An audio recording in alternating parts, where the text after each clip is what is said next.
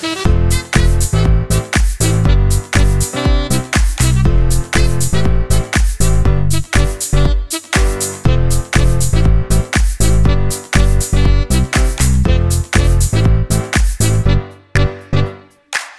welkom bij weer een nieuwe podcast-aflevering.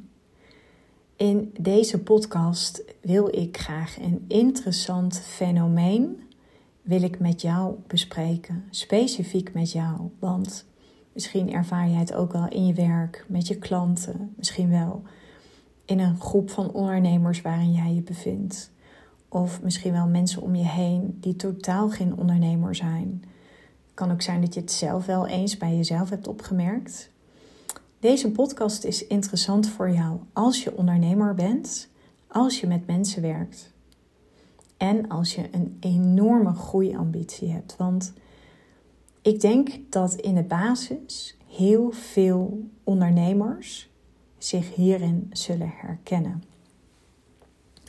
En herkenning is natuurlijk gewoon heel mooi, want vanuit herkenning ben je er kennelijk bewust van. En als je er bewust van bent, ja, dan kan je er iets aan veranderen. Het is niet mijn intentie om jou met deze podcast ergens van te overtuigen. Nee, ik neem deze podcast voor jou op omdat ik weet dat jij met mensen werkt. En ik weet dat mensen ook investeringen in jou doen. En ik wil je even de andere kant van het spectrum laten zien wat er gebeurt. Oké, je hoort mij wel eens praten over zeer gedreven ondernemers. Oftewel ondernemers die een hoog commitment hebben. Die hebben een hoge mate van toewijding op hun doelen. En ze laten zich niet langer meer afleiden door ruis, door vermijdingsgedrag, door dingen te omzeilen, door excuses te bedenken. En natuurlijk is het niet de vraag of dit gaat gebeuren. Dit gaat gebeuren. Hier gaat iedere ondernemer doorheen en zeker in het begin. Mijn ervaring is echt, als je eenmaal een gevorderd ondernemer bent, dan kan je dit zo goed bij jezelf tackelen. Tegelijkertijd, wij zijn natuurlijk allemaal opgevoed met bepaalde verhalen over geld. Hè? Geld, ja, daar zit gewoon een beetje lading op. We doen hier in Nederland altijd best wel een beetje geheimzinnig over wat mensen verdienen. Of ehm, ja, wat we op onze bankrekening hebben staan. Of uh, weet ik veel, wat je nog aan hypotheek hebt voor je huis. Daar hangt altijd een beetje lading op. Dus dat geeft ook al meer, maar weer aan met hoeveel emotie wij geld eigenlijk zien. Of nou ja, hoe het om ons heen hangt. Nou, het is ook mijn doel met deze podcast om hier ook gewoon transparant over te zijn. Maar mijn belangrijkste doel is: hoe ga jij om met mensen waarvan je weet die je ontzettend goed kan helpen, die ook eigenlijk op het punt staan om ja, in te gaan zien. En sterker nog, ze zien al in dat ze jou nodig hebben. En er dan toch ja, vaak dingen in hun oppoppen die hun eigenlijk niet helpen, maar waarvan ze zelf nog niet altijd weten dat dit ze niet verder helpt. Oké, Waar ik echt specifiek in geloof is dat ondernemers die zijn echt wel wat verder als het gaat over investeren. Ik bedoel, ik heb ooit een keer een, een, een post geschreven dat uh, ik heb een aantal vriendinnen die zitten ook in loondienst. Nou, als ik het heb over de bedragen die ik zeg maar uitgeef of uh, de bedragen die ik vraag, nou, dan moeten zij echt wel eventjes slikken. Ik heb ooit een, uh, een conversatie gehad met een vriendin en die deed echt mega moeilijk over een investering in een coach. En die coach die vroeg 1500 euro. Nou, en ik wist gewoon dat ze dat knijterhard nodig had. En toen zei ik ook tegen haar van, oké, maar weet je, jij kijkt nu alleen maar naar wat het je kost in je portemonnee. En dat snap ik, want ja, weet je, ergens heb jij kennelijk vanuit je opvoeding verhalen meegekregen over geld. Maar helpt het je? Helpt het je om hier zo naar te kijken van oké, maar dan moet ik dit geld uitgeven en dan kost het me wat. Dus ik stelde haar de vraag: helpt het je om zo hiernaar te kijken of hierover te denken? En zei ze: nee, dat helpt me niet. Ik zei: wat help je wel? Nou, en dan moest ze even over nadenken. Toen zei ik: oké, jij hebt zeg maar nu een uitdaging en die komt iedere keer opnieuw terug in je relatie, in je werkrelaties. Nou, En je staat nu echt wel op een punt dat je daar last van hebt. Je, kortom, je ziet eigenlijk gewoon dat je hulp nodig hebt. Ja, dat klopt, zei ze. Ik zei: Oké, maar stel nu dat jij niet met die coach aan de slag gaat. Denk je dan dat jouw probleem zich vanzelf oplost? Nee, zei ze, dat gaat niet lukken. Nee, zei ik, want als je, zeg, als je het zeg maar de, de tools in handen had of de mindset om dat te kunnen doen, dan was het al lang gelukt. Maar kennelijk heeft het ook nog een functie. Weet je, kennelijk vertoon je bepaald gedrag wat je ook nog steeds iets oplevert. Want zo is het, hè? Als je destructieve gedragspatronen hebt, die houden we in stand zolang het ons nog iets oplevert, zolang het nog een functie heeft. Die is overigens heel interessant om bij jezelf te onderzoeken. Nou, uiteindelijk heb ik tegen haar gezegd, want ik wist, het, het helpt niet als ik tegen haar zeg van, joh, je moet het gewoon doen. Want ja, dan voelt ze zich niet gezien door mij. En ik wilde echt eventjes met haar het laagje afbellen. Wat er eigenlijk voor gezorgd heeft dat ze in deze situatie terecht is gekomen. En dat heb ik op een gegeven moment tegen haar gezegd. Ik zei, maar kijk nu eens in deze situatie. Je hebt de kans om hulp te krijgen. En je gaat dat niet aan. En kijk eens even naar de gedragspatronen die jij nu ervaart. Eigenlijk doe je nu precies hetzelfde in het nemen van een besluit hierin. Nou, en dat was best wel een eye-opener voor haar. En toen heb ik ook tegen haar gezegd van, weet je, heel eerlijk, als voor jou, want ze is echt een hele goede vriendin.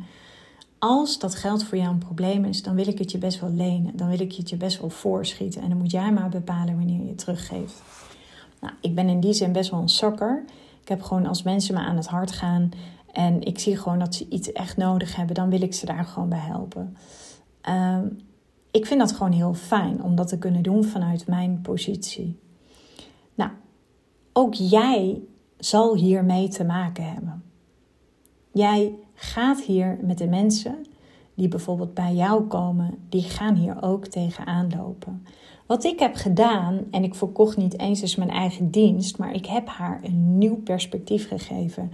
Ik heb haar echt laten inzien dat het vasthouden aan haar overtuigingen, dat dat haar juist in de weg zit en dat dat juist de hele grote bottleneck is, waardoor ze iedere keer in een specifieke situatie terecht kwam.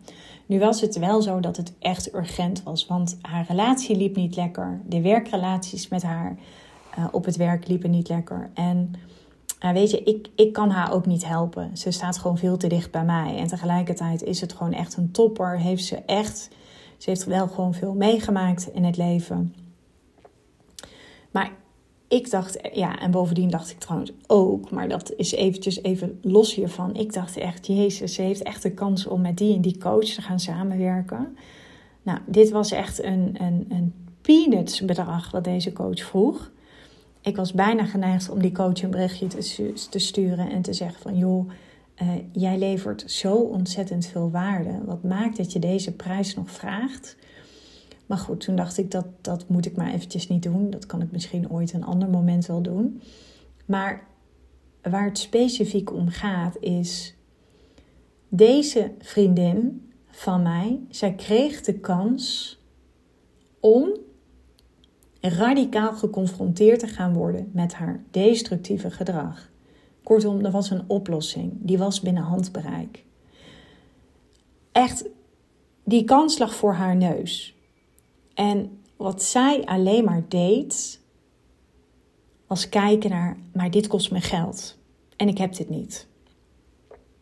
Ze was helemaal gefocust op wat gaat me dit kosten? Kan ik dat wel? En straks gebeurt er dit en straks gebeurt er dat.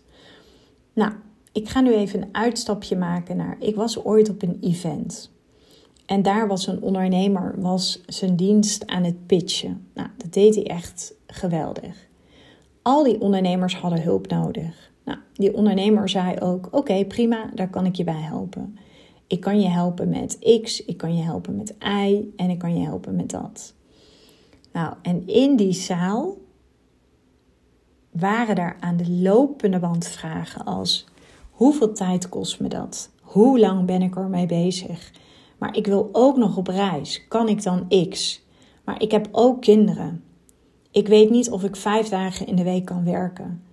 Weet je zeker dat mijn hele fundament van mijn bedrijf hierdoor niet op de schop gaat? Wat kost het eigenlijk? Hoeveel ervaring heb jij? Hoe ben je eigenlijk opgeleid? En hoe ga je me dan heel concreet helpen? En wat als het niet lukt? En kun jij mij garanderen dat het lukt? En waar is het? En wanneer is het? En hoe vaak spreken we elkaar? En ik dacht op dat moment alleen maar: Mijn hemel, wat gebeurt hier?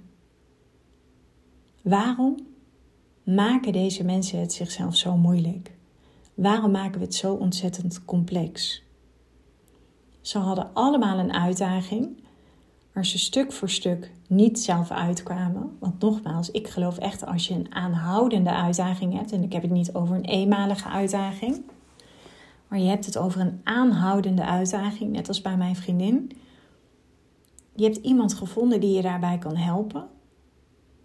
En dan worden er allerlei van dit soort vragen worden er naar het hoofd van die ondernemer die op dat moment zijn aanbod aan het pitchen was geslingerd. Nou, die ondernemer die ging daar super goed mee om, want die was echt wel een gevorderd ondernemer.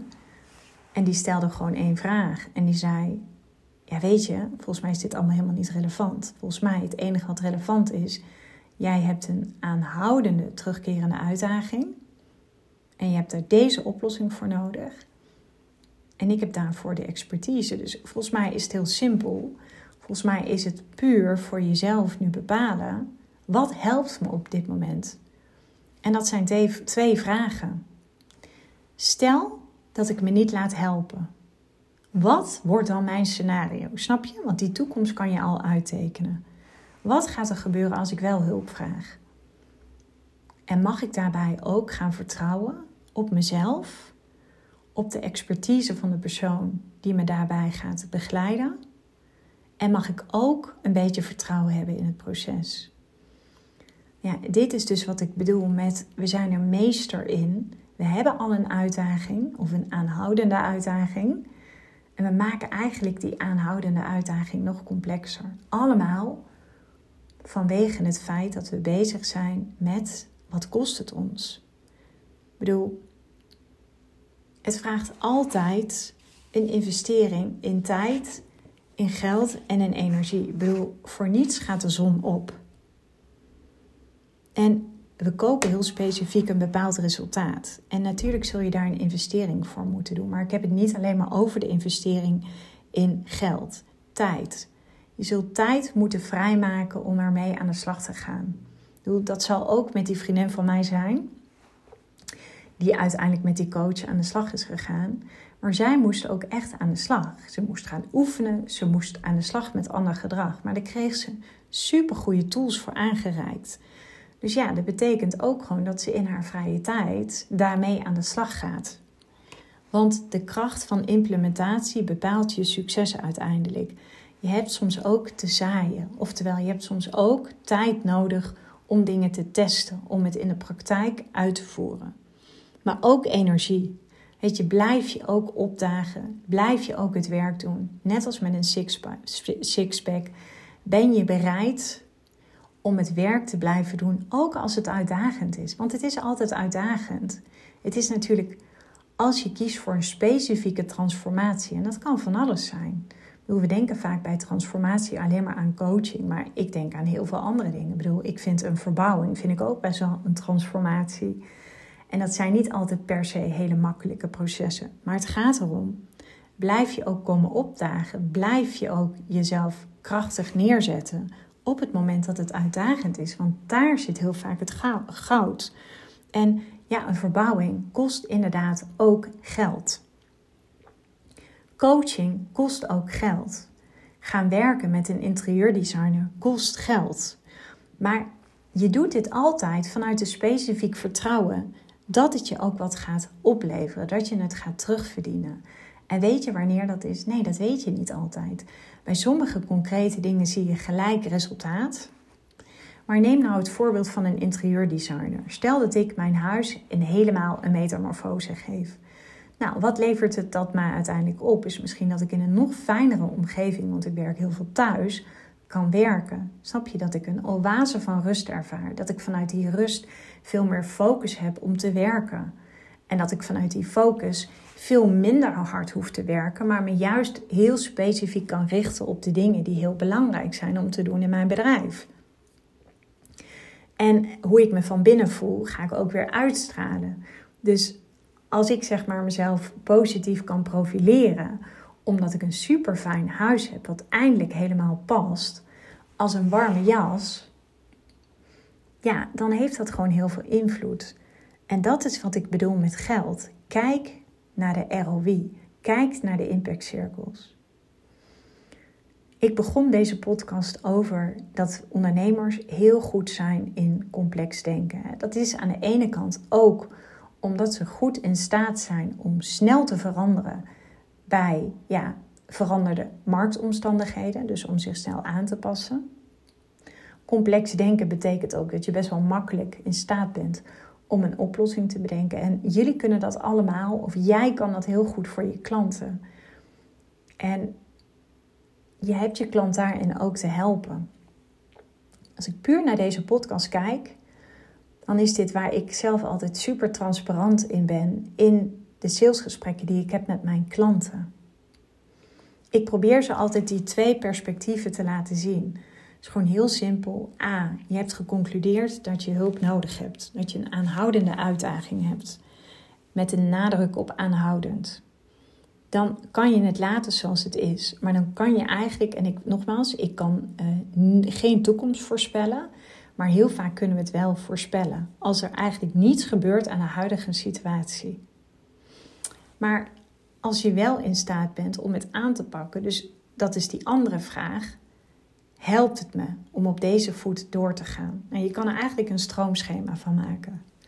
De ene is, helpt het me? Nee. Oké, wat heb ik dan te doen? Situatie veranderen, wat heb ik daarvoor nodig?